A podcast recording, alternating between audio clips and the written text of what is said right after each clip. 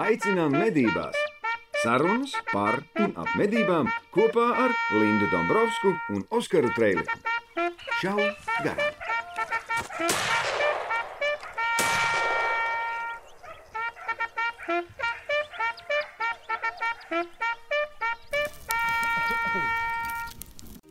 Sijā ieroči. Kopā ar jums jau 25 gadus. Tie ir deviņi veikali visā Latvijā. Pieredzējuši ieroču meistari. Šautu treniņiem un optikas piešaušanai.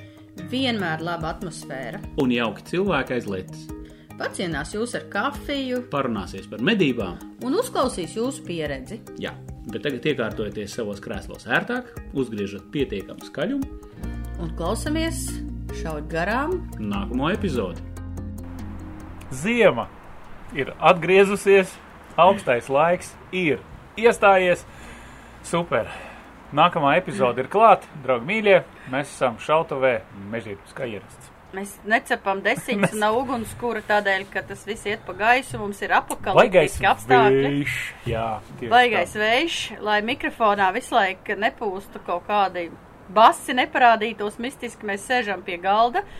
Es esmu kaut kādā suņu jakā sasagusies, jo Jā, es es ļoti esmu optimistiski arī šopavasar esmu ļoti optimistiski, visu laiku saģērbos pa plānu. Labi, ka mašīnā visādas jakas.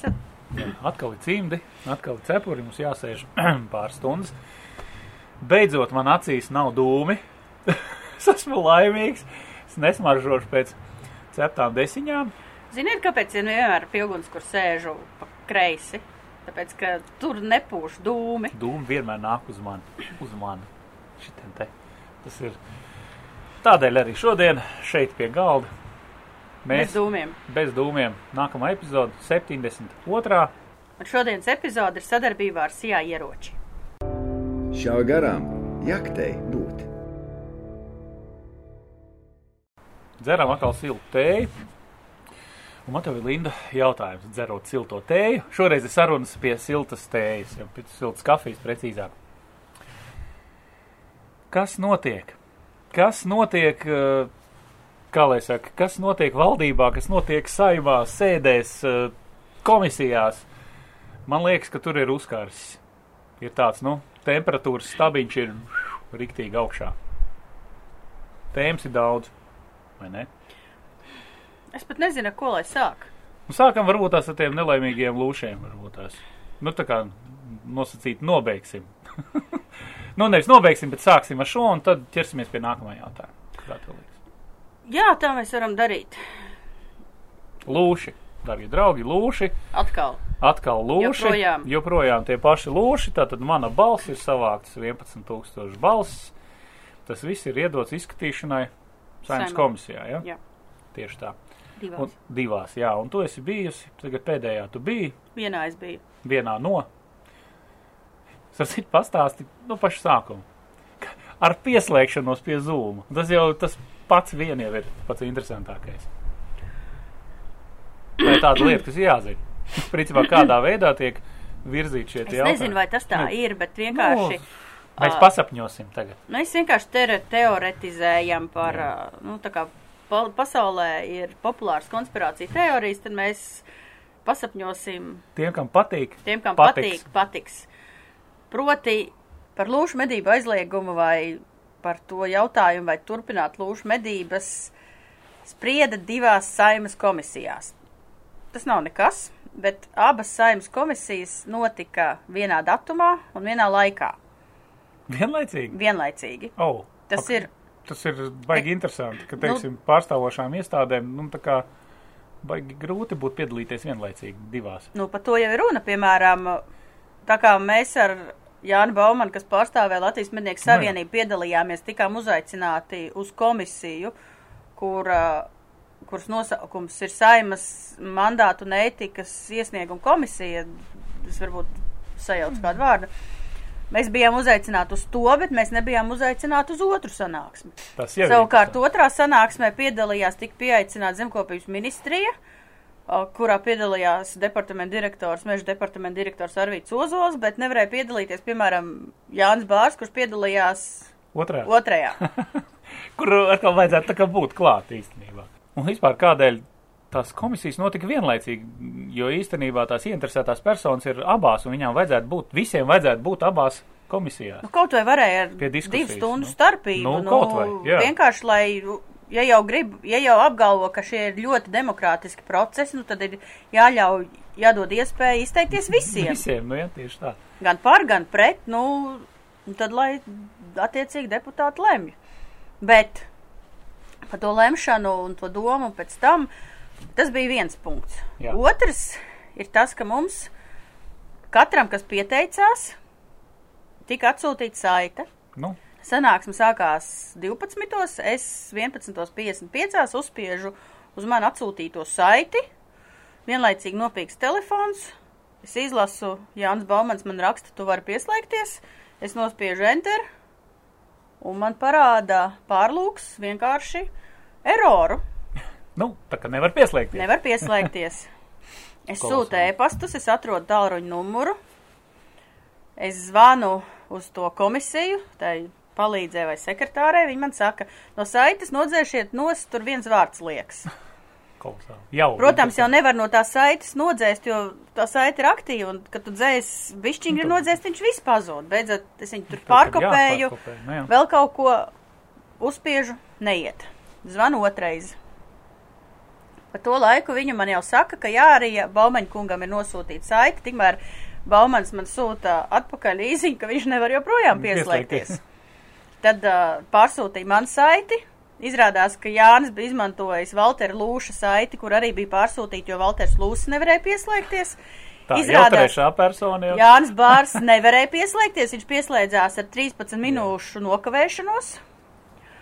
Un uh, Jānis Ozoliņš vispār pats personīgi nesaņēma uzaicinājumu. O, Kolosāli. Viņš bija zvanījis, viņam teica, ka uz Silavu kaut kas esot sūtīts, Silavā e-pastā neatrada Neko? neko. Beigās laikam Jānis Ozoliņš, kurš ir lūšu pētnieks, pieslēdzās ar Valteru Lūšu saiti. Klausās, redz, cilvēks galvenais, kuram principā vajadzētu tur būt uz vietas, ku- kurš varētu atbildēt uz īstenībā tādiem kuteglīgiem jautājumiem, kas ir saistīti tieši ar zinātni. Nu, Jo par principā. viņa datiem spried. Viss Par viņa datiem spried, tieši par to šo-. Šī jēzga principā ir sākusies viņa datu dēļ. Jo viņam tur ir jābūt simtprocentīgam. Cilvēks nevar pieslēgties. Nu, un, un tajā mirklī, ka es esmu jau nu, pieslēgusies ar nokavēšanos, visi pārējie, kas ir pret lūšu medībām, Sen jau runājām. ir jau priekšā. Hei. Un Jānis Vinters jau ir sācis savu uzrunu. Kolosāli. Izskaidrojiet, lūdzu. Es saprastu, ja, es, saprastu, ja saite kļūdaina būtu nosūtīta vienam, bet tas, ka pusi dalībnieku nu, kā, eh, tiek iekšā tā, bez problēmām, un otra puse netiek. Un tā otra puse ir mednieks pārstāvošā puse. Jā. Sauksim Ne jau tikai- īstajos vārdos. Nē, nu, Nu, jā, nu, zemkopības ministrija nepārstāv medniekus. Nē, nu vienkārši- jā, nu, bet uh, jebkurā gadījumā tā ir pozīcija no mednieku puses, to starp. Jā. Nē, nu- Nes to tā vairāk uztver. Ja? Ne- Nevis vien- nepārstāv medniekus, Nu, vienkārši atbalsta medības. Nē, nu, tas ir tas, ko es gribēju teikt. Nu, tā kā cilvēki, kur atbalsta medības, netiek iekšā. Nu, jā. Kausā. Labi, Un ok. tad- un, un tad, tad- un tas sākās. Un tad sākās diskusija. Iniciatīvas au- autors Jānis Vinters, kurš nav motosportists. Jā, Vienkārši, citu, ja kāds jautā. Vienkārši Jānis Vinters uh, varēja piedalīties cilvēks, ar prezentāciju. Mums ar Jāni bija iespēja runāt, bet mums nebija iespējas rādīt prezentācijas. Valters Lūsis pēc uh, pāris minūšu diskusijas ar uh, sanāksmes vadītāju, tomēr prezentāciju parādīja. Aha. Nu, Jānis Ozoliņam tika dotas divas minūtes, apmēram. minūtes? Nu, mūsu video nopublicēts, visa viņa runa. Ļoti īsu laiku. Saite ir apakšā. Noteikti, jā, aprakstā. Ieliksim saiti. Tā kā noskatieties. Es, Noskatieties es, obligāti. es pateikšu tā. Cilvēks ar vājiem nerviem lūdzu šo ierakstu neskatīties. Es to esmu redzējis divas reizes. Gribās iemest ar Man- tomātu monitorā. Jā, bet man jautājums, jautājums ir, kāpēc? Jo arī Facebookā pie mūsu video bija daudz komentāru, ka nevar noklausīties šajā visā. Nu, tas Tas ir jautājums, ko smagi. tieši tādēļ ir jautājums, ko tieši nevar noklausīties un kāpēc ir tāda reakcija? Tas ir retorisks Tas jautājums. ir, es nē, saprotu. es arī mēģināšu atbildēt uz Nē, nē, nē, nu, jautājumu. tas, tas ir tāds. Tu noskatījies to ierakstu? Nē, Nu, nē, taču vēl. Nu, viņš tikko kā svaigs ir, es vēl neesmu paspējis. Tu man jānoskatās tagad ir. Bet es skatījos uh, to fragmentu, kuru tu man atsūtīji, ja? Un, un man jau, jau sarāva jau čokurā par to neprofesionālismu, es varētu pat teikt, ja? Par to, nu, Mēs esam ievēlējuši cilvēkus, man liekas, ja, kuri lemj par jautājumiem, par kuriem viņi vispār neko nesaprot. Ne, sāksim savādāk. Nē, nē, nu, sāksim šī Vismaz savādāk. es par to frāzi, ko es dzirdēju. Jā, bet to neteica deputāts, ko es aizsūtīju. To teica valsts kontrolas Vēl pārstāvis. jau vairāk. Jā, bet mēģināšu tā to sajūtu vienkārši izskaidrot saprotamiem vārdiem, jo to ir šausmīgi grūti definēt. Ir tā, ka mēs neiebilstam pret to, ka ir cilvēka pretējo viedokli. To mēs esam uzsvēruši un labi, ka ir pretējais viedoklis, jo tad mums ir iespēja diskutēt. Nu, ja? Bet, pat. bet tad, kad cilvēks ar pretējo viedokli ieņem vietu vai amatu kādā konkrētā iestādē un mēģina ieskaidrot, ka 2 plus 2 ir 5 un tu pats esi stulbens, ka tam netici, Jā. tad, kā saka tautas valodā, man iestājās kognitīvā disonance. Kas nozīmē to, ka mans prāts nespēja saprast to informāciju, ko es uztveru. Un tādēļ, un tādēļ rodās tāda sajūta, ka Tu nesaproti, kur tu esi nokļuvis vispār. Nu, nesaprotu, ko tu klausies. Tas ir tā, ka kāds man, kāds man skaidrotu, ka debesis ir zilas, jo kāds izmanto gošu, un tā iemesla dēļ tev ir jāēd mārutki. Nē, debesis zaļas. Saproti? Viņas ir zaļas. Vienkārši tev tā liekas, ka ir zilas īstenībā. Un mākoņi nav mākoņi. Un, Jā. un tagad es, dūmi. Kaut kā nu, lai vienkārši ilustrētu, ka mēs uh, vienkārši emocionāli nereaģējam uz kaut ko, es tos dažus faktus es varu izskaidrot vai pastāstīt vai atstāstīt, bet tā saite ir publiski pieejama mūsu YouTube kanālā. Jā, jā. 9. aprīlī ir, ir uh, fragmenti publicēti, un uh, arī saimnes mājaslapā ir visas šīs sanāksmes ieraksts. Jūs varat vienkārši noklausīties un spriest par to paši. Protams, tie, kas ir pret lūšu medībām, viņiem šķitīs, ka mednieki saka muļķības, un tie, kas ir par lūšu medībām, un mēs runājam šobrīd ar mednieku auditoriju, tur būs viss kārtībā. nu, Protams. nu, loģiski. tiem liksies, ka mednību pretinieku viedoklis ir, Nepareizs. Maigi izsakoties. jā, Nu ko? Lādē iekšā! Man rokās ir German Precision Optics binoklis ar tālmēru. Linda, es saprotu, tu viņu jau esi lietojusi jau cik ilgi? Kad pusgadu droši vien. nepilnu pusgadu. Nepilnu pusgadu es viņu vasaras. lietoju. Es viņu vēl neesmu pamēģinājis. Var pastāstīt, kas tev viņā patīk? Pastīšos, izmērīšu attālumu līdz indulim. Nē, viņš man nemērīs tik tuvu. Viņš teiks, ka nē, Oskar, dārgais draugs, nesenāk. Arī pat līdz kokiem. Vispār tīri forši. Izskatās, ka viņš arī to punktiņu rāda tīri labi. Ā, viņš arī leņķīti parāda. Zināmā mērā kritumu. Ko tu vari labi pastāstīt? Kā tev izdodas ar viņu? Noteikti ātrumu. Ne, ne ātrumu attālumu. Ir ok? Kāds viņam funkcijas? Es redzu, ka viņam vēl ir.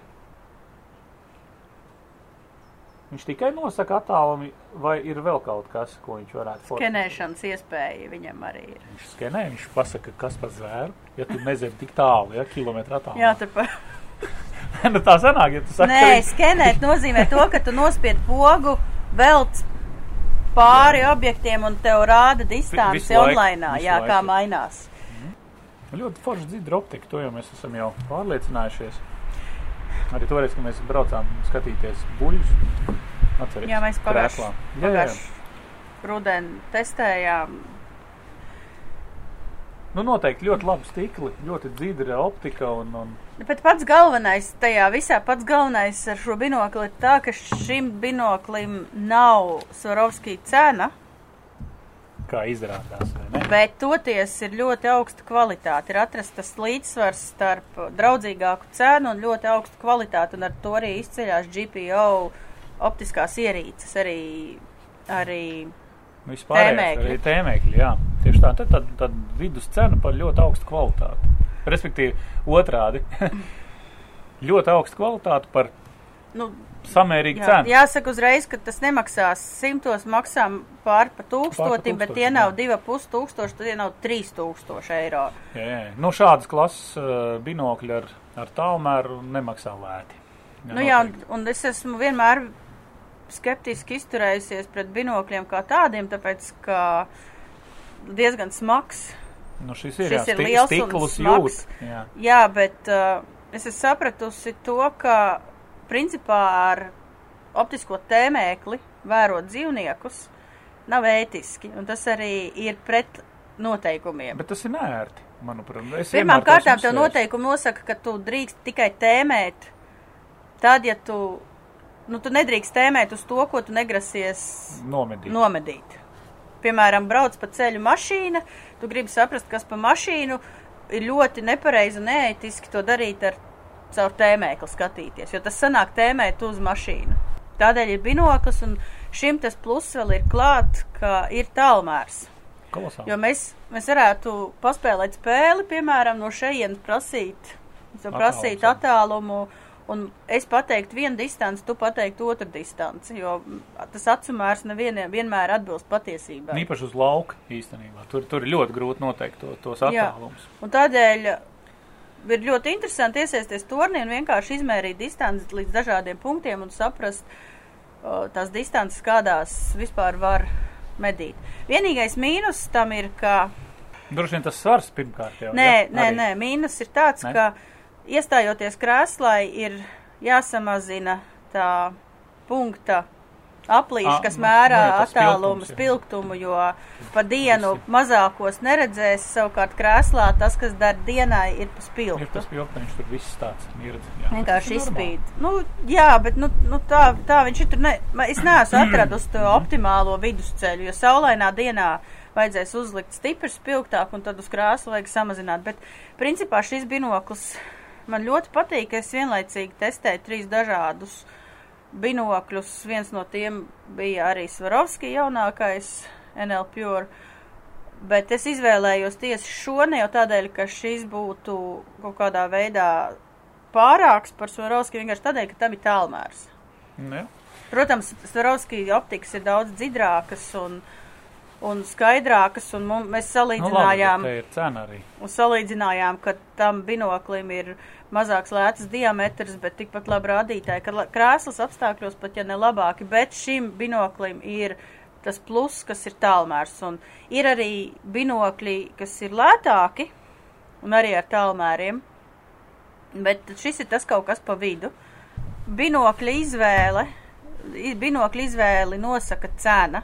Tas ir ļoti Ok. svarīgs, svarīgs aspekts. divi vienā. Šeit ir divi vienā. Ir, protams, arī lētāk un, protams, arī dārgāk. Un jāņem vērā, jo būs dārgāk, jo būs labāks kvalitātes. Tas ir pats par sevi saprotams. Bet šis ir kaut kas tāds, kas ir ļoti pa vidu un man personīgi, man ļoti patīk. Redz, kas ir vēl jāpievērš uzmanība. Ir uh, paziņas bija testējuši dažādu, nu, fakts nevis tieši binokļu, bet tālmēru punktus. Ja? Nu, tā kā bildējuši mēģinājuši saprast, nu, kāds lāzers, kāds ir īstenībā lāzers. Un tā, kad tika salīdzināti, piemēram, nu, var nopirkt arī pa 100 eiro kaut kādu tālmēru, ja?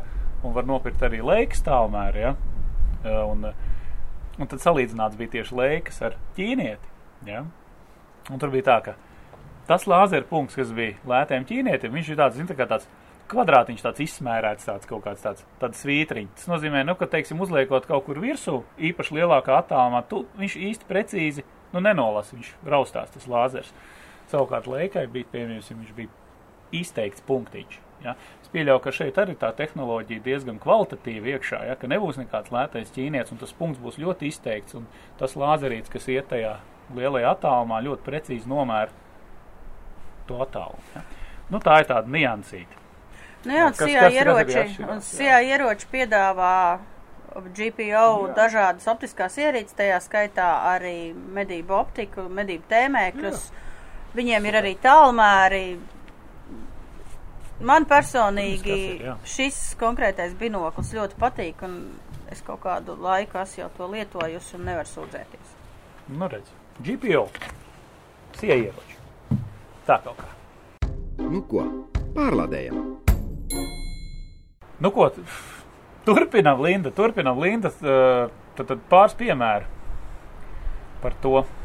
Par tām emocijām, par, par, par to, nu, kā mēs runājām, ja, tad medniekiem ir vienmēr viedoklis savs, nemedniekiem būs nedaudz cits. Ir kaut kas, kas Nu, vieno, Nu, kaut kā ir tā, ka, nu, nu kaut kas savādāk. es esmu sapratusi to, ka, lai arī no kuras puses mēs skatāmies, cilvēki tam tic. Piemēram, Jānis Vinters, mēs viņam varam apsaukāt vai vēl kaut kā teikt, ka viņš neko nesaprot, bet tas, ko viņš stāsta, tā idejai, viņš vienkārši tic. Viņš jau tic tam. Un pareizi, mēs nu, ja? viņu, mēs varam teikt, ko mēs gribam, mēs viņu vispār par neko citu nepārliecināsim, lai arī kādus jēga argumentus. Nu, ja nu runā. kādus argumentus mēs celtu, o, viņš atradīs iemeslu, lai šos argumentus vienkārši noliektu. Nu, viņš man pēc sanāksmes messengerī personīgi uzrakstīja, paprasīja kaut kādu dokumentu saiti, un man sāka stāstīt, kāpēc tas viņam ir tik svarīgi, un, un ka asto- 85% mednieku esot normāli, bet ir mednieki, kas viņam esot draudējuši, viņam un viņa ģimenei, un uh, kas vilkus aizstāv. Viļkina kungs. Jā. Tas arī gadiem tiekot mocīts, bet es viņam atbildu, bet man jau arī, man sūta draudu vēstules, pa mani publiski ķengājās, mani saukā pa monstru, mani apsaukā pa maitu. Tas notiek gadiem. Nu, vai tas ir iemesls, lai tagad es visus uh, cilvēkus ar pretējo viedokli apsaukātu? Nu jā, ķengāt un vilkt ārā visādas tur netīro veļu. Nu, nu nē, Nu, taču. nu, tā mūsu diskusija beidzās ar to, ka es saku, es Winter kungam nepiekrītu, viņš nepiekrīt man. Nu, kāda jēga mums tērēt lauku? Nu jā. Nu, kāda la- jēga tērēt laiku tam visam? Nu, un savā runā saimnes deputātiem Winter kungs, lai raksturotu uh, to, kāda ir mednieku attieksme pret lūšiem, izmantoja to vienu ļoti neveiksmīgo video, kas, kur bija nofilmēts tas, ka lūsis esot piegājis pie ekskavātora, jā. uzčurājis un tagad esot jāsoda. Nu, kāpēc tas ir jāizvelk un tieši tas jārāda? Nu, tas ir tā kā ir Kāpēc? viens mednieks, vai ne, kas ir sliktais, nu, piemēram, un tagad mēs pēc spriežam par visiem medniekiem pēc viņu, ja? Nu, mēs taču arī nespriežam par visiem vegāniem pēc viena kaut kāda vegāna ļoti slikta Jo, izgājiena. jo Vinterkungs, nē. piemēram, nepaņēma fragmentus no mūsu epizodēm, Nu, jā. kur mēs mēģinām pateikt, ka mednieki nevēlas Kāpēc viņš izšaut lūs. nedara, jā? Kāpēc viņš neņem tos mūsu frāzes, ko mēs esam atkārtojuši atkal un atkal, ka mednieki negrib izšaut lūšus, mednieki negrib izšaut dzīvniekus, mednieki grib, lai mežā dzīvo dzīvnieki. Tādēļ, ka viņš to nevēlas. Viņam Tāpēc, cita- ka tas nav viņam tas nav viņam izdevīgi. Tieši tā, jā. Tas ir viens piemērs. Otrs piemērs eh, virknē tā diskusijas par to, ka nedrīkst šaut lūšu bērnus. Uh, ne, viņš teica, dzīvnieku bērnus nevar šaut, uh, Dzīvnieku bērnu mā, jo tā ir mazulīši, nākotne nu, no, māmiņa. no bioloģijas Tētis. viedokļa. Nu, no bioloģijas viedokļa, no populācija apsaimniekošanas viedokļa. Jebkurš pateiks, ka labāk ir izņemt jaunos dzīvniekus. Jo tāpat tās starpā mirstība ir ļoti liela, un tas nozīmē to, ka izdzīvo tie, kas ir gudrāki, veiklāki, Visādi citādi. Visādi pārāki par citiem. pārāki, jā, veselīgāki. veselīgāki un pieaugušie dzīvnieki, kas paliek, tie rada nākamās paudzes, jo tāpat tās jebkurš dzīvnieku, sauksim to mazulis vai dzīvnieku bērnu apdraud, sākot ar plēsējiem, Plēsēji, beidzot ar uh, slimībām, Laika apstākļiem. laika apstākļi.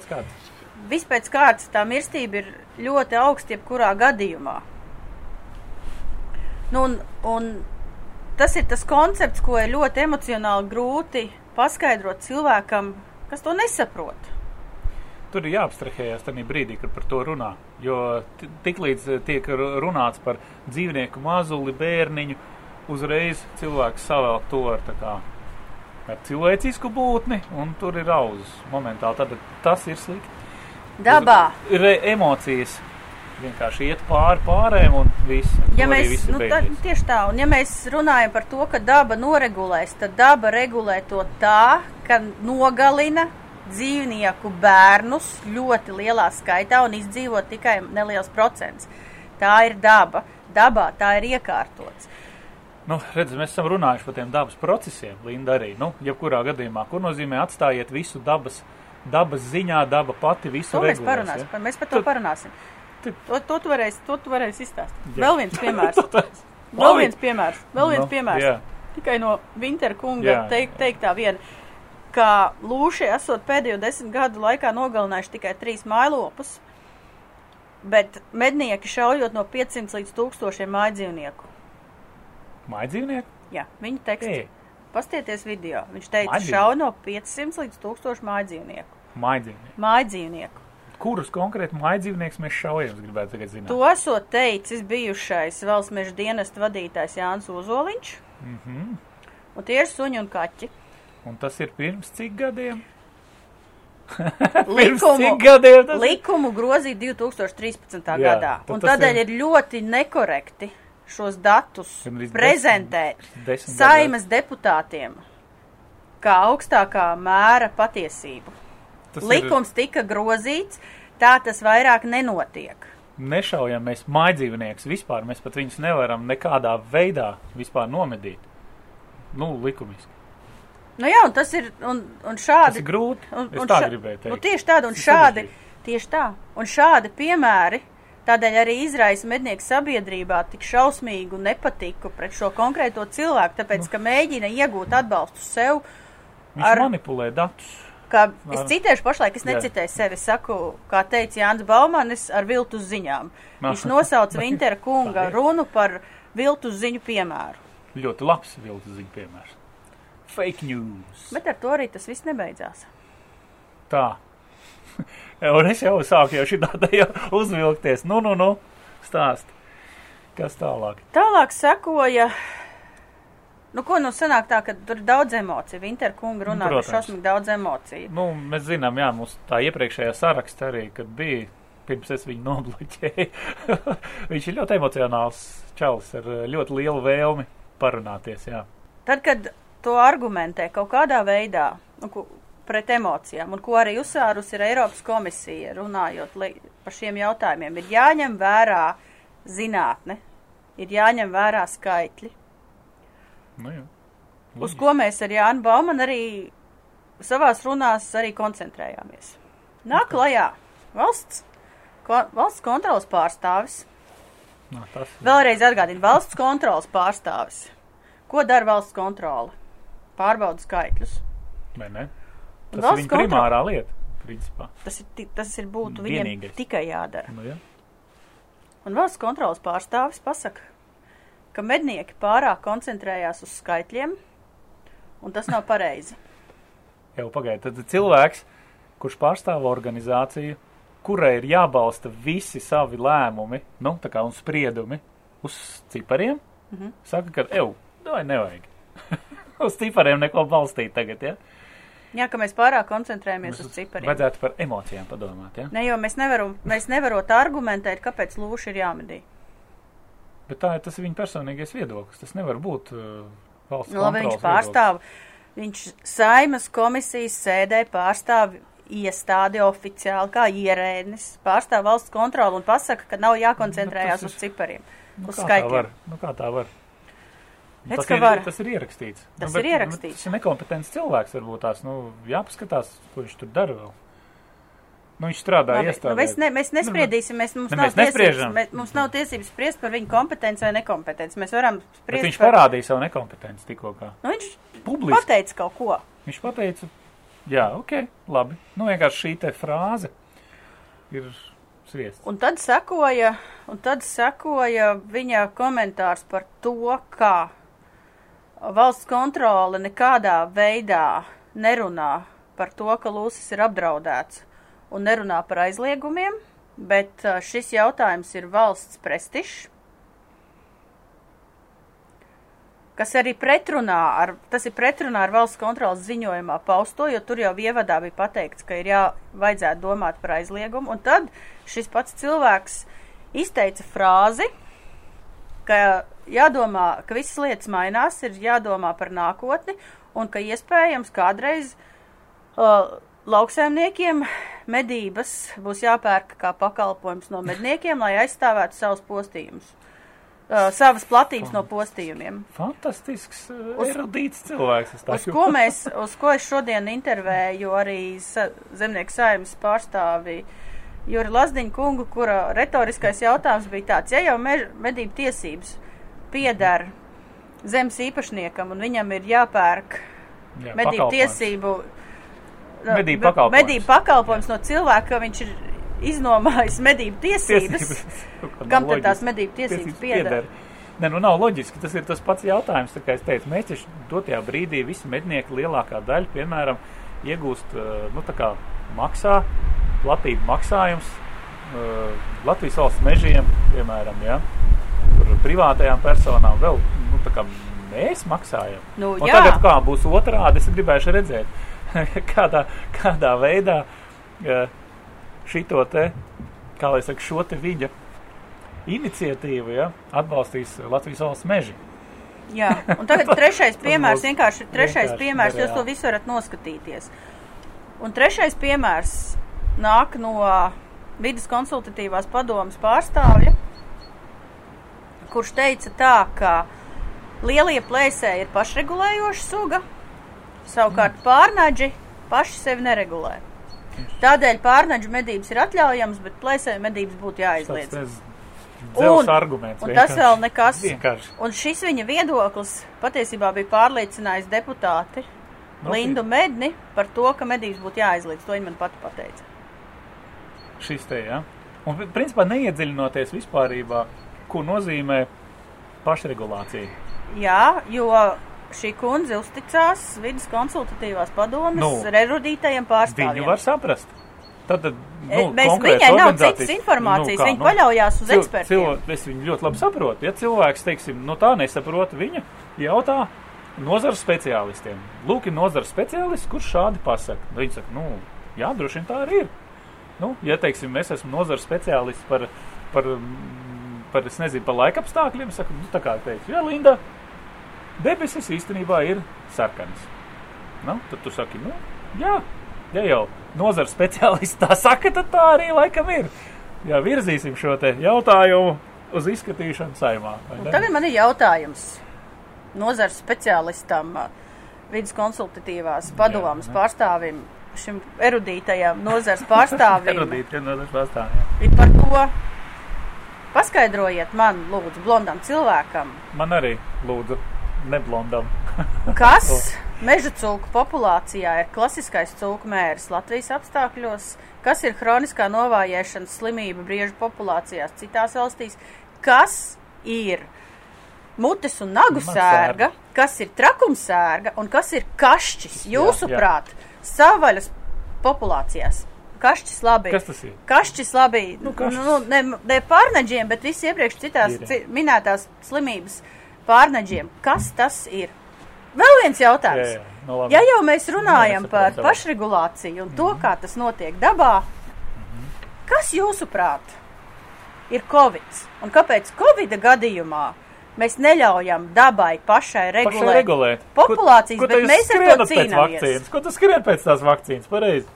Tas ir retorisks, filozofisks, Tā vienkārši. dabas jautājums. Un tagad Oskars mums pastāstīs pēc pauzes, kas ir pašregulācija. Pašregulācija. Šā garām jaktei būt. Tā ir mierīgi, mierīgi. Es uzvelkos, piedodiet, uh, klausītāji, skatītāji. Jā, jā. Tad, kad man mēģina ieskaidrot, ka 2 plus 2 ir 5, mans, mans intelekts to nespēja uztvert. Mēs par deputātiem neko nesakām, uh, nerunāsim. nerunāsim, tāpēc, ka viņiem ir. Nē, tāpēc, ka viņiem ir savs viedoklis. Smējos. Nē, Viņi, viņi ir- spriež par to, pēc ko viņi zina. Oh. Bet, manuprāt, tad, kad zinātnieki pasaka, ko arī deputāts kundze Linda Medne minēja, ka jā, uzticoties zinātniekiem, un zinātnieki saka, ka šī ir pašregulējoša suga, kas nozīmē, ka medības nav vajadzīgas. Man liekas, ka ir tāda acīs ir tāda Disneja multene, kur dzīvniekiem tiek uh, izsniegt kontracepcijas līdzekļi. Kur saka, klau, draugs, nu, Un vienkārši, tā, ka, un tā nu, pašregulācija notiek tā, ka vienkārši, ka, jā, ka, nu, nedzimst vairāk. Nav, viņi saprot, pašregulācija jau pēc savas būtības. Ja iestājas tas, ka dzīvnieku kaut kādā noteiktā sugā populācija ir uh, sāk pašregulēties, tas nozīmē, manuprāt, ka šī te suga ir sasniegusi kritisko masu. Ja, tas ir nenormālākais daudzums. Kad jau, nu, jau ir iestājies tas, ka uz to kvadrātmetru, uz to kvadrātkilometru, ja tie, cil, tie, cilvēki, tie dzīvnieki ir savairojušies ļoti, ļoti daudz. Un kas notiek? Nu, jā, tu kā nu sākās slimības, loģiski. Jā. Kas vēl notiek? Viņiem ēst gribās. Jā. Viņi pirmkārt jau izēda visu, kas ir apkārt. Kas, Būs par, ko viņi, savā par ko viņi cīnās? Par ko viņi Kā, cīnās? Par savu dzīvību. Nē, par ko cīnās. viņi cīnās? Par teritoriju. Nu, kā, nu loģiski. Izstāst par bebriem. Ā, vai ne? Vai ne? Par bebriem. Katrā teritorijā noteikti dzīvnieku ietilpība. Pareizi, ļoti vienkārši. Tātad tā ir noteikta teritorija, kurā atrodas viens dzīvnieks. Nu, piemēram, viens dzīvnieks atrodas šādā te teritorijā. Viss. Lūsimi teritorija var būt 300 kvadrātkilometri. Nu, lūdzu, jā, Vide. piemēram. Nu, tēviņam. Mātītei tas būs, protams, mazāk. Nu, Kas ok. notiek ar citiem Nu, sugas brāļiem šajā teritorijā? Nē, Nu, jebkurā gadījumā, nu, bebru gadījumā viņi tur sāk dzenāt. Mēs taču zinām, pavasarī, kad viņi tur sāk skraidīt, meklēt teritorijas, sāk ēst, jā, tur un, un, un tā tālāk. Ka viņi savairojās, nu, viņi jau nedzīvo visi kopā draudzīgā ģimenē. Hei, mēs te esam. Tad, tad dzen projām tos jaunuļus, ej meklē savu teritoriju. Tur Viņš pretī- iet tālāk, tur pretī vēl viens bebrs. Tas dod mīzā. Tas iet tālāk, kamēr viņš atrod, o, šeit es varu mierīgi dzīvot, un sāk dzīvot šeit. Jāatrod. Jāatrod. Jāatrod. Ja neatrod, viņu kāds apēd, vai, vai viņš vienkārši nomirst badā, vai vēl kaut kas. Vai arī tāds bebrs, kādu es nomedīju ar drausmīgākām, šausmīgākajām brūcēm, kas ir radītas kautiņu rezultātā. Un dzīvniekiem mežā nav dakteru, Nu, nav antibiotikas. un te mēs aizējām atpakaļ pie tā stāsta par Lūsi, kurš uh, Jaunjelgavā parādījās pilsētā. Tad, tad, kā jums šķiet, ko darīja Lūsis pilsētā? Jums šķiet, ka viņš atnāca, hei, te ir pilsēta, cilvēki, sveiki, kur šeit ir ambulants, man vajag vet, vetārstu, man ķepa ir, nu, kaut kas nav tā kā vajadzīgs, ja? Es eju pie suņiem, viņiem prasu, hei, suņi, kur ir vetārsts, jums ir kaut kas pazīstams? Tā nav. Tātad dzīvnieks bija novājināts, tātad viņam ir trauma. Ļoti iespējams, nu, tā kā es sapratu ar pēc aprakstiem sociālajos tīklos no uh, meža vairoga, laikam, bija, ja, ja, nu, lūk, ka iespējams ir pārbraukusi mašīna, tā ķepa, nu, aptuveni tā tika, izskatījās, ka viņa salauz. Tātad viņam jau ar pārtiku sagādāt ļoti grūti. Viņš tanī brīdī meklē Viņš nevar, ceļu. vēlreiz, viņš ievainots Ne? lūsis nevar noķert, Noķert, stirniņu vai zaķīti. Nevar. Nevar. Nu, tieši tā. Tātad viņš grib ēst. Tātad viņš meklē vietu, kur viegli dabūt pārtiku. Viņa lūša izpratnē viegla pārtika ir kas? Suņai žoga. Nu, re, kur ir? Nu, kā? Nu, tad, Garšīgi. Garšīgi. Es eju, un viņš jau bija ieņēmis tādu, nu, video varēja ļoti skaidri redzēt, kādu pozīciju uzbrukumu viņš ir paņēmis. Viņš bija tādā badā, ka viņš ieraudzīja hamburgerus divus un viņu šķir sētu un brauc garām kaut kāda mašīna un filmē, Un filmē, viņu, viņš traucē viņam no viņam apēst paēst, suņus. jā. Tur jau bija, bija arī stāsts par to, ka tas lūsis jau bija mēģinājis uzbrukt sunim, Mhm. bet uh, vietēji iedzīvotāji bija to lūsu padzinuši. Nu, lūk, šis arī ir, starp citu, viens no dzīvnieka nu, pašregulācijas piemēriem. Kad dzīvnieks, nu kā, viss viņam ir slikti, viņš meklē pārtiku. Lūdzu, Un, ja tad tā nebūtu- regulācija notiek. Vienkārši tam lūsim šajā gadījumā gadījās pa ceļam pilsēta, nebūtu pilsēta, būtu aitu ferma, viņš Viņš pa- aitās. Iet aitās. jā, Mierīgi, un, un neviens labu laiku nesaprastu, kas tur notiekās, jo viņš būtu paēdis, aizgājis. atkal. aizgājis, paiet, aizgājis. Jā, jā, jā. Un tad brīdī, kad, nu, ja, ja paliek ļoti, ļoti daudz, un daudz tādu foršu veselīgu lūšu, vai ne, viņi savairojās, nu, es domāju, ka pirmie aiziet, nu, kā, nu, apēst visu, kas apkārt ir, stirnas, zaķi, putni, tur viss būtu apēsts. Tad, kad lūši ir savairojušies ļoti lielā daudzumā, ja, tad, tad lūšu tēviņi nogalina lūšu mazuļus. Kāpēc? To ne, Kāpēc to tikai, dara? to ne tikai dara lūšu tēviņi, to Lauvas. dara lāči, to dara Lauvas, lauvas. Tāpēc, ka ir milzīga konkurence un milzīgas konkurences apstākļos. Gribās Nogalina, vairoties.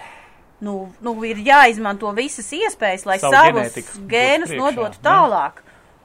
Un tad šie dzīvnieki, tēviņi, pieauguši tēviņi, satiekot mežā mātīti ar bērniem, dzīvnieku mammu ar bērni, bērniņiem maziem, Maziņi. Mazuļi. šie briesmīgie lūšu un lauvu un vilku, nē, vilku, nē, lāču veči, Uh, ko viņi dara? ļoti elementāri. Nogalina. Nogalina un pēc tam apēd šos mazos dzīvnieku Un Viņa nogalina, viņa nogalina tādēļ, ka viņi grib ēst, bet tādēļ, ka viņi grib. ar vienu iemeslu. Jā, jā. It īpaši attiecībā uz lāčiem vai attiecībā uz lauvām, tad, kad tiek nogalināts šis cita tēviņa mazulis, mātīte sāks meklēties pēc Nu jā, kāda loģiski. laika. Un tas spēcīgais vīriņš ir Un viņš klāt. jau ir klāt Vai un gatavs.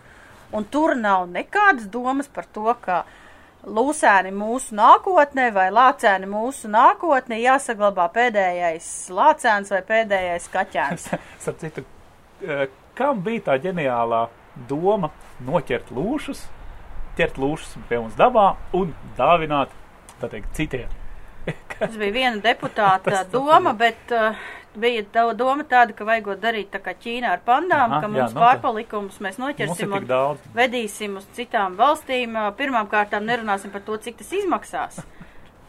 Bet tikko bija, tikko bija gadījums. Noķēra no Latvijas uz Franciju aizveda vilkus. Sešus? Es neatceros, cik bija. Nu, vilkus aizveda. Jā, Pavisam īsā laikā tie vilki izmuka no tiem iežogojumiem un tika nogalināti, nošauti, tāpēc, ka radīja apdraudējumu apkārtējiem. paldies. Sveiki. Un ar to beidzās. Nu, tad, tad, kad jūs man, kā dabas draugi, kā medniekam, stāstat šo piemēru, Jā, tas ir ok. Tas Un tad viņi pasaka tā, un tad viņi pasaka, nu, nu jā, mēs kļūdījāmies. Jūs un pa- un- spēlējāties ar dzīvnieku dzīvībām. Jū, jā, un tad, kad mednieki jokodamies pasaka, ka lūsis apčurājas ekskavātoru, O, tas ir, jā. Un O, tas o, ir slikti. Tā, tā, pa šito jāraksta ir uz, kā lai saka, uz žurnāla pirmā vāka, vai ne? Avīzē diena, nezinu. Daba pasa, pati visu regulēs, vai ne, Linda? pārneģi neregulējoties paši. Da vispārībā, kur nozīmē daba regulēs kaut ko? Kā tas ir, daba regulēs? Mēs vairs nedzīvojam tajos apstākļos, es nezinu, mēs nedzīvojam tūkstošu gadus atpakaļ, kad visu planētu Zemi klāja, es nezinu, meži, ja, un daba, dabas procesi, dažādi notika. Cilvēks ir ļoti stipri iejaucies dabas procesos, pilnīgi visos dabas procesos. Es vēlreiz varu, starp citu, atkārtot to pašu piemēru, ja drīkst. Ja drīkst. Ja tu ceļ rociņu, tu gribi runāt. Nu, lūk, vēl viens labs piemērs vēlreiz. Atkārtojot to pašu, ko kolēģis no, no Baltkrievijas stāstīja par tiem pašiem dabas procesiem. Tā, tas ir ļoti, man tas piemērs ļoti, ļoti patika. Ja? Nu, ka tanī brīdī, kad mēs jau nerunājam par dabas procesiem tikai dzīvnieku kontekstā? Mēs runājam vispār, vispārīgā kontekstā, kādēļ mēs iejaucamies dabas procesos. Nu, kā es teicu, karsta vasara, iespēja zīmēns, sākās ugunsgrēks. Ko mēs darām? Nu, tā kā ļaujam dabas procesiem notikt. Ugunsgrēks. Nē, mēs iesim, iejauksimies, jo mēs dzēsīsim ugunsgrēku. Pavasarī, Nu, palūdeņi, jā, lūdzu. ledus I- tas ir- sastrēgumi tas ir- tas upē. ir otrs, Kāpēc jā. mēs spridzinām A, ko ledus? jūs tur? Dabas procesi notiek. procesi notiek. Dabas procesi notiek. Ko jūs jaucaties iekšā cilvēkā? Īsais Lai sa- notiek dabas procesi, kā Īs- viņam jānotiek. Es tagad tā, Ļaujiet dabai visu regulēt pašai, vai ne? īsais rezumē par dabas procesiem. Ļoti elementāri. Tad, kad dabas procesi negatīvi ietekmē cilvēku veselību, sabiedrības drošību vai un cilvēku sociāla-ekonomiskās intereses, tad uh, visi iestājās par to, ka cilvēkam šie procesi ir jāregulē. Mhm. Bet, ja šīs intereses netiek skartas Tad eh, tiešā veidā, tiešā veidā, jā, jā. Tanī brīdī, hei, nu, un tas notiek līdz mirklim, ļaujiet, lai daba visu regulē. tas notiek līdz mirklim. Kad šādi savainoti lūši sāks plēst aitas, tieši tāpēc, Jā. ka viņi nevar noķert buciņu un sāks ēst suņus līdz tam mirklim. Uh, tad teiks, regulējiet dabu. Kad notiks šādas lietas, tad sāks kliegt, ko jūs neko nedarat. Bet tā ir vienmēr. Tā un, ir vienmēr. un, ko teica man, intervija būs publicēta, vai jau ir publicēta, man grūti pateikt. Ar Jūri Lazdiņu viņš teica, viss ir ok. Bet, ja šis scenārijs, ko arī Vinterkungs pateica, ka viņš uzskata, ka neviens lūsis nevienu aitu neplēsīs uh, pēc aizlieguma, ja šis scenārijs nepiepildās, kurš būs atbildīgs? Ne? Vinterkungs nebūs atbildīgs. Nu, viņam vispār ir nauda. Viņš ķer hype, kā mēs sakām, ja? Kamēr Viņš vi- visus, ja lauksaimnieki pēkšņi, ja, piemēram, tas tā notiek, un ir postījumi, lauksaimnieki vienu dienu sāk lovēt pie viņu durvīm, viņš būs nomainījis adresi. Nu, visdrīzāk. Viņš teiks, nē, ziniet, nu, es jau cīnījos nedaudz par kaut ko citu. Man vienkārši, nu, lūš patīk. Nu ko? Lādē iekšā! Tagad galvenais jautājums. Nu, Atbild Oskar. Kāpēc ir vajadzīgas lūšu medības? Viss, tu vari man paskaidrot? Es esmu ļoti Oh. ilgi domājis par šo jautājumu. Kāpēc? Tas ir tāpatās kā pajautāt. Tas no tās pašas sērijas. Kāpēc mēs dzeram kafiju? Kāpēc mēs braucam ar mašīnu? Kāpēc mēs braucam ar vilcienu? Kāpēc mēs ēdam saldējumu? Un kāpēc mēs ēdam kūkas? Jo principā no tā nav nekādas jēgas. Vai ne? Kāpēc tu elpo? vai Ne, Nu, nu, elpo, tāpēc, ka jēga. es dzīvot Tāpēc, ka tu gribu, jā. dzīvot gribu. Kāpēc tu liec kafijai cukuru klāt? Kāpēc, kāpēc ir vajadzīga opera, kā viens Facebookā Jā, rakstīja? kāpēc ir vajadzīga opera? Jā. Nav atbildes uz šito jautājumu. Man ir. Tas ir filozofisks Jā, dabas tas jautājums. jautājums, jā, nu Un mums uzreiz Vinterkungs, kurš noteikti šo skatās, Viņa teiks tā. klausoties operu, jūs nevienu nenogalinat. Jā, nu tas no šī te. Tā, tā kā, es nezinu, kas tā pa loģika bija. Nebija sofista loģika, nepilnīgi. Tā kā, nu, ja tu, kā lai saka, ja, ja tu esi mednieks, tu nogalini tā, tad tu vispār esi slepkā. Nu, kaut kas tam līdzīgs. Ok, whatever. Bet kāpēc ir jā, jā, jāmedī lūši? Linda, priekš kam? Kam tev to vajag smuki kaķīši? Lai dzīvo? Es teikšu tā. Es esmu par šo jautājumu daudz domājusi, un ir ļoti grūti noformulēt.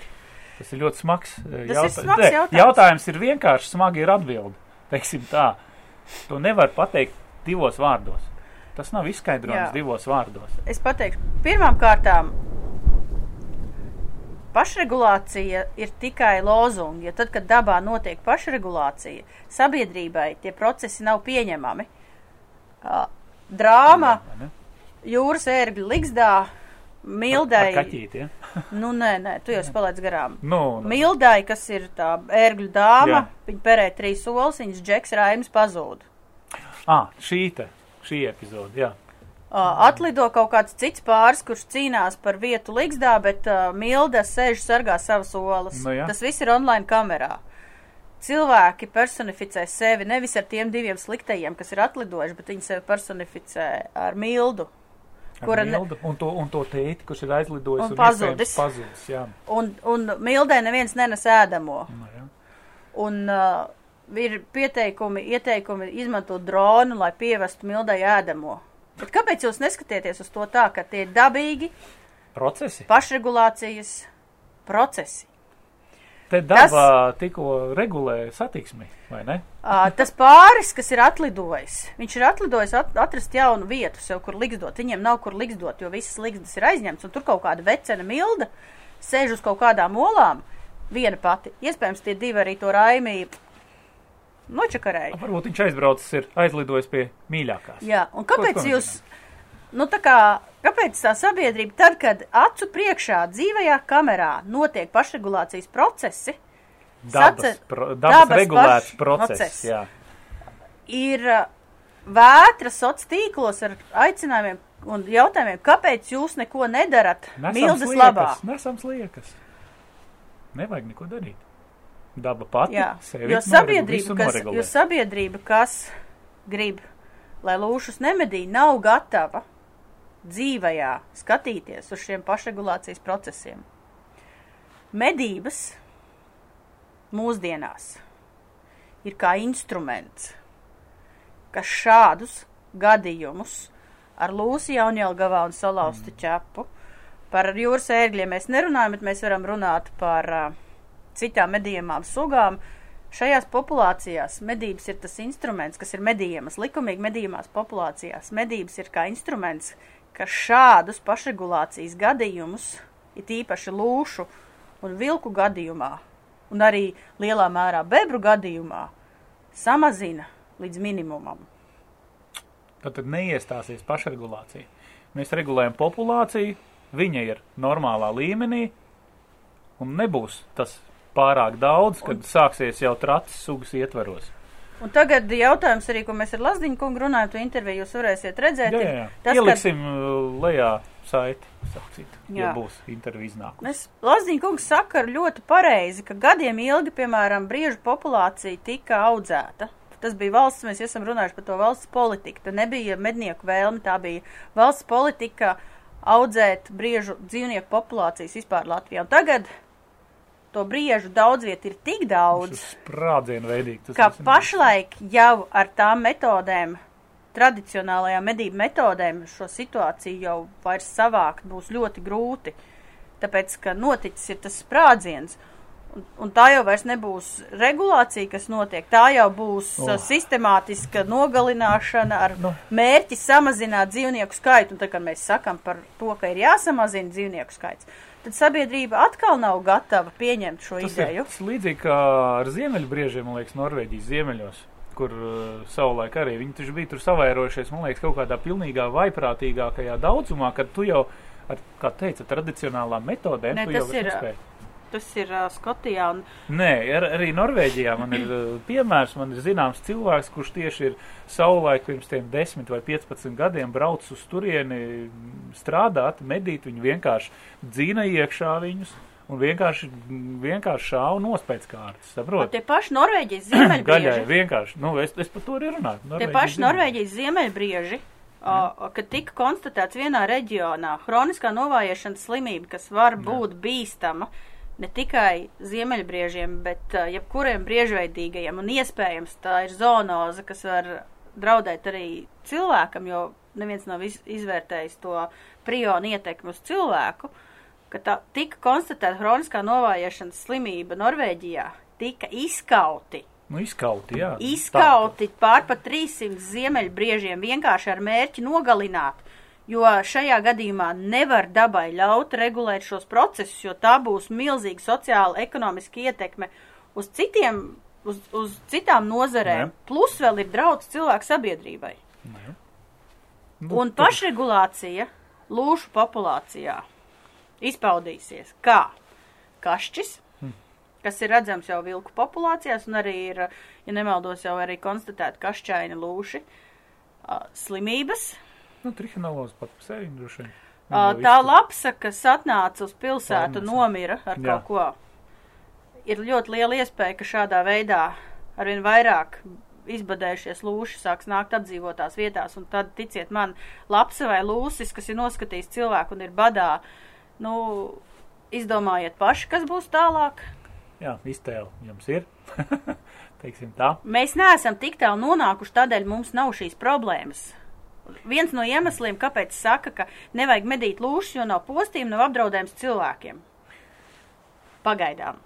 Saprot, man, manuprāt, arī medības, tieši medības ir šis, teiksim tā, instruments, ar kuru palīdzību tiešām mēs regulējam šo te populāciju. Mēs viņu uzturam normālā līmenī, lai nav ne uz augšu, ne uz leju.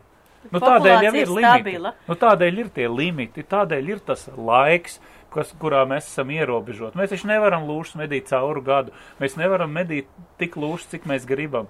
Mēs tādēļ noteikts nu, no normāls limits. Ir noteikts īsts periods, kad mēs to darām. Nu, ja runa par lūšiem, Nu, nu, tā jā. ir ar visiem dzīvniekiem. Un ko mēs redzam, un ko mēs redzam pēc mūsu vilku populācijas, kas ir apsaimniekota, un lūšu populācija, kas ir apsaimniekota, šie populācijas ir stabilas vai mazliet pieaugošas. Dabā ir šausmīgi stāvi kāpumi un šausmīgi stāvi kritumi. Nu, piemēram, kāpēc Iberijas lūsis izmira? Nu, bija uz izmiršanas Jā. no nu, robežas Spānijā. Kāpēc?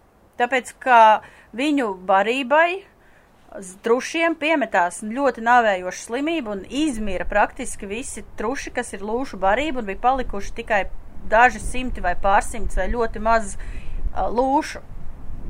Nu, nu, viss. Un viss, un ar to arī tā ir pašregulācija. Un mēs varam arī attapties vienā mirklī, ka mums ir sasniegts, piemēram, fantastiskākais skaitlis 200, 2500 lūšu, piemēram, vienkārši no gaisa pieņems. izīst, piemēram, 2500 lūšu. Tā, un tā būs tā. uznāk kaut kāda kaķu putnu gripa, Un viss.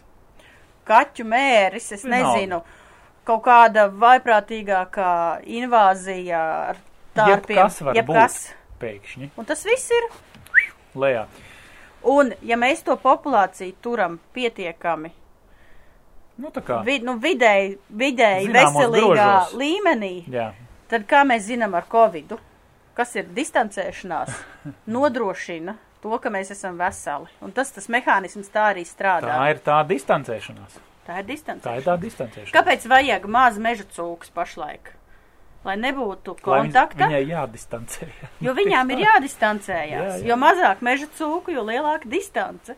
Starp citu, jā, šeit mēs varam vilkt paralēlus diezgan stiprs. Starp citu, meža cūka ir pārnadis, un Afrikas cūka mērs ir dabīga Pārnadis. slimība, kas gan ir ienesta Latvijā un nav tipiska, bet Āfrikā Afrikas cūka mērs ir pārnadžu pašregulācijas procesa sastāvdaļa. Nu, slimība.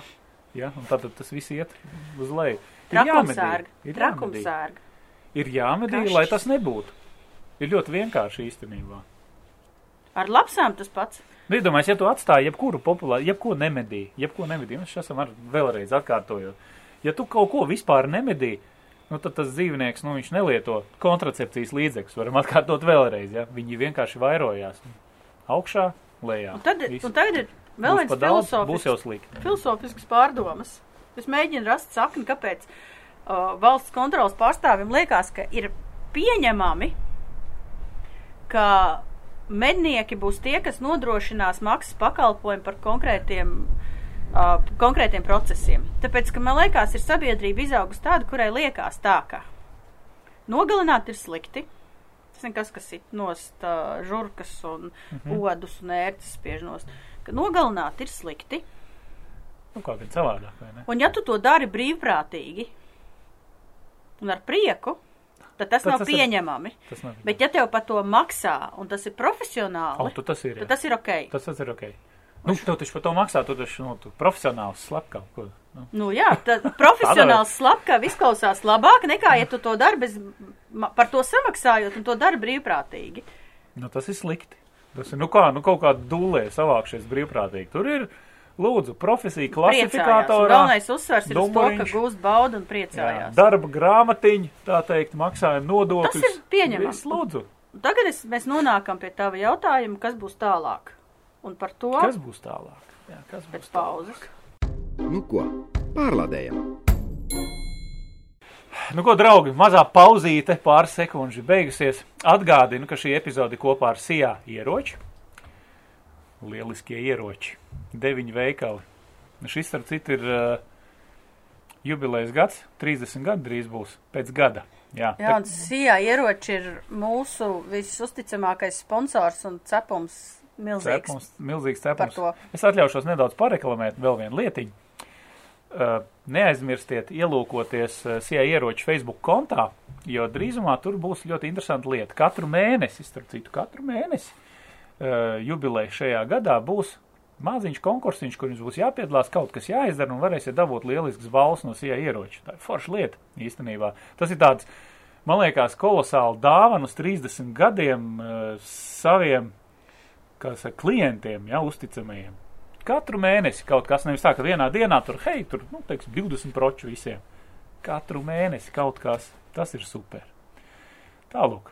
Labi, atgriežamies pie tiem visiem lūšiem. Es nevaru, sirds puksti no, man- man ir- jā, no jā, jā. visa. Nē, man ir tā, man visu laiku man tas jautājums urde jau no paša sākuma, pat cik mēs, nu, mēs gatavojamies, mēs esam izrunājuši daudz, kas, ko, kā mēs darīsim, bet ko tālāk? Tagad šis te visi beidzies, šīs sarunas ir bijušas, ir noticis, kā ir noticis, tā tad ir izskanējis publiski tādi dažādi viedokļi, gan šādi, gan šādi, jā, tātad tas tiek virzīts, savākt ir tie 11 tūkstoši, esam padiskutējuši, esam parunājuši, apmainījušies ar laipnībām, ko tālāk, kas notiek tālāk. Pašlaik ir tā, ka neviens nezina, kā, kā, kāds būs tam visam liktenis, jo par spīti tam, ka šis ir jautājums līdzīgi, kā, nezinu, kā veikt sirds operācijas vai kā apsaimniekot kaut ko, tas ir jautājums profesionāļiem un politi tas nedrīkstētu būt politisks lēmums. Tas nedrīkst būt politisks lēmums. iet. Jo pašlaik tas tā iet, jā, tas ir pašlaik novirzīts uh, uz tautsēmniecības komisiju, Ah. uh, kur būs diskusijas, bet stāsts ir par to, tas absurdākais stāsts šajā brīdī no tā, ka, kāda diskusijas bijuši, ir tas, ka pa lūšiem neviens neuztraucās. Viss uztraucās par sevi. Nē, par ko? Dabas aizsardzības pārvaldes pārstāvs ir ieraksts. Jā. Pārstāve Gita Stroda teica, lūšu populācija Latvijā nav apdraudēta. Viņas Super. vārdi, ka pašlaik lūšu populācija ir daudz, daudz lielāka. Lai viņi neteica daudz, daudz, es to izgudroju. Bet viņi teica, ka populācija ir daudz labākā stāvoklī nekā tad, kad mēs iestājāmies Eiropas Savienībā. Tadām, lūdzu. Valsts kontrolas pārstāvis konkrētajā sanāksmē teica, ka populācija nav apdraudēta un ka valsts kontrole nerunā par aizliegumu. Viņa vārdi - noskatieties. Nu, tas jau ir labi. Pašlaik un no tā visa izriet tas, ka visiem ir pie kājas par to, ka lūšiem iet labi. Tikai sabiedrībai radies viedoklis, ka mēs izšaujam lūšus. Sabiedrībai ir pazudis viedoklis par to, ka lūši Latvijā ir vairāk nekā pēdējo 150 gadu laikā vispār šobrīd. Jautājums ir par to, kura institūcija būs atbildīga par lūšu populāciju un kā Jā, šis apsaimniekošanas fakts un populācijas status tiek ierakstīts vienā vai otrā dokumentā. Tas ir pašlaik ir vienīgais strīds par to, jo valsts kontrolas pārstāvis arī uzsvēra, ka nav runa par populāciju, nav runa par to, ka lūsis ir apdraudēts, Nu, nu, nu. bet runa ir par to, vai mēs pareizi pēc likuma burta attiecībā uz direktīvu. Mēs to apsaimniekojam. Jā. Tā ir vienīgā diskusija jautājums, vai lūsis paliek valsts meža dienesta kompetencē vai dabas aizsardzības pārvaldes kompetencē. Un es jums pateikšu viennozīmīgi. Lūšiem ir vienalga. Viņam ir vienalga, kurā kompetencē viņi ir. Klausies, bet vai nesanāks tagad šī situācija? Nevar sanākt kā ar zosīm. Jā, uz to arī Nu, vēl. nu, tas, arī tas, līdzīgi, ja? tā, tas arī tas, ko Tad- valsts kontrole grib, ka dabas aizsardzības pārvalde izsniedz o, līdzīgi kā zosu Nu, jā. kontroles atļaujas, ka va- nevis valsts meža dienas nosaka limitu, bet dabas aizsardzības pārvalde izsniedz atļaujas uz konkrētiem dzīvniekiem, Jā, bet- jo tad tas vienkārši atšķirība tāda, ja to dara valsts meža dienests, tas neatbilst. Paga, paga. Pagad, ja, ta, ja to dara valsts meža dienas, tas neatbilst direktīvai. pateikšu, bet- Ja to dara dabas aizsardzības pārvalde, tieši to pašu ir darītu. Es domāju, ka dabas aizsardzības pārvalde to vairs nedarīs, bet ja dabas aizsardzības pārvalde darītu tieši to pašu, ko dara valsts meža dienests, tad būtu atbilstība direktīvai. Un tagad man vienkārši smadzenes no šī salīdz. Uzprā- Šāva garām jaktei būt. Tāda lūk diskusija. Uh, es vēlreiz ne? atgādinu, ja mūs skatīsies medību noliedzēji, tad tas, ko mēs viņam teicām šeit stāstījām, liksies absolūtākās muļķības. Nē, nē, kādam Nu, tas ir tas, kā, kā no kuras ok. puses skata punkta mēs skatāmies. Varbūt tie, kas domā līdzi, mēs viņus pārliecinājām, izskaidrojām lietas, kā tas notiek dabā. Dabā bērni, dzīvnieku mazuļi neiet skolā. Un, uh, Nelieto kontracepcijas līdzekļus Nelieto- pusauģie vai ne, un pieaugušie eh, dzīvnieki. un, un, un dabā dzīvnieku mazuļi, jeb dzīvnieku bērni, es citēju Winterkungu, Mhm. ir tas populācijas, ā, tā populācijas daļa, kas dabiski tiek pakļauta vislielākam izmiršanas procentam. Nu, tā ir. Labi, beigsim par šo šodien droši vien. Liels paldies jums, ka jūs noklausījāties mūs līdz galam, tie, kas līdz galam to noklausījās. Mums ir ļoti svarīgi, lai jūs uzliekat īkšķi uz augšu. Tas dod mūsu kanālam attīstīties un augt noteikti. Ja? Obligāti ierakstiet kaut ko komentārā. Kaut pāris vārdus patika, nepatika, vienalga. Jo vairāk komentāru, jo foršāk. Ja? Tā ir tāda ļoti, ļoti svarīga lieta, jo mēs tagad strauji, strauji augam. Mums ir, un sekojiet, neaizmirstiet zvaniņš, lai zinātu, kad iznāk jaunumi. Abonējiet. daudz. Abonējiet žurnālu medības. Uh, Tūlītās aprīlī būs jaunais pielikums par dažādām šaušanas disciplīnām, praktiski šaušanas padomē. Mēs esam noņēmušies. Tāda informācija latviešu valodā līdz šim nav bijusi pieejama.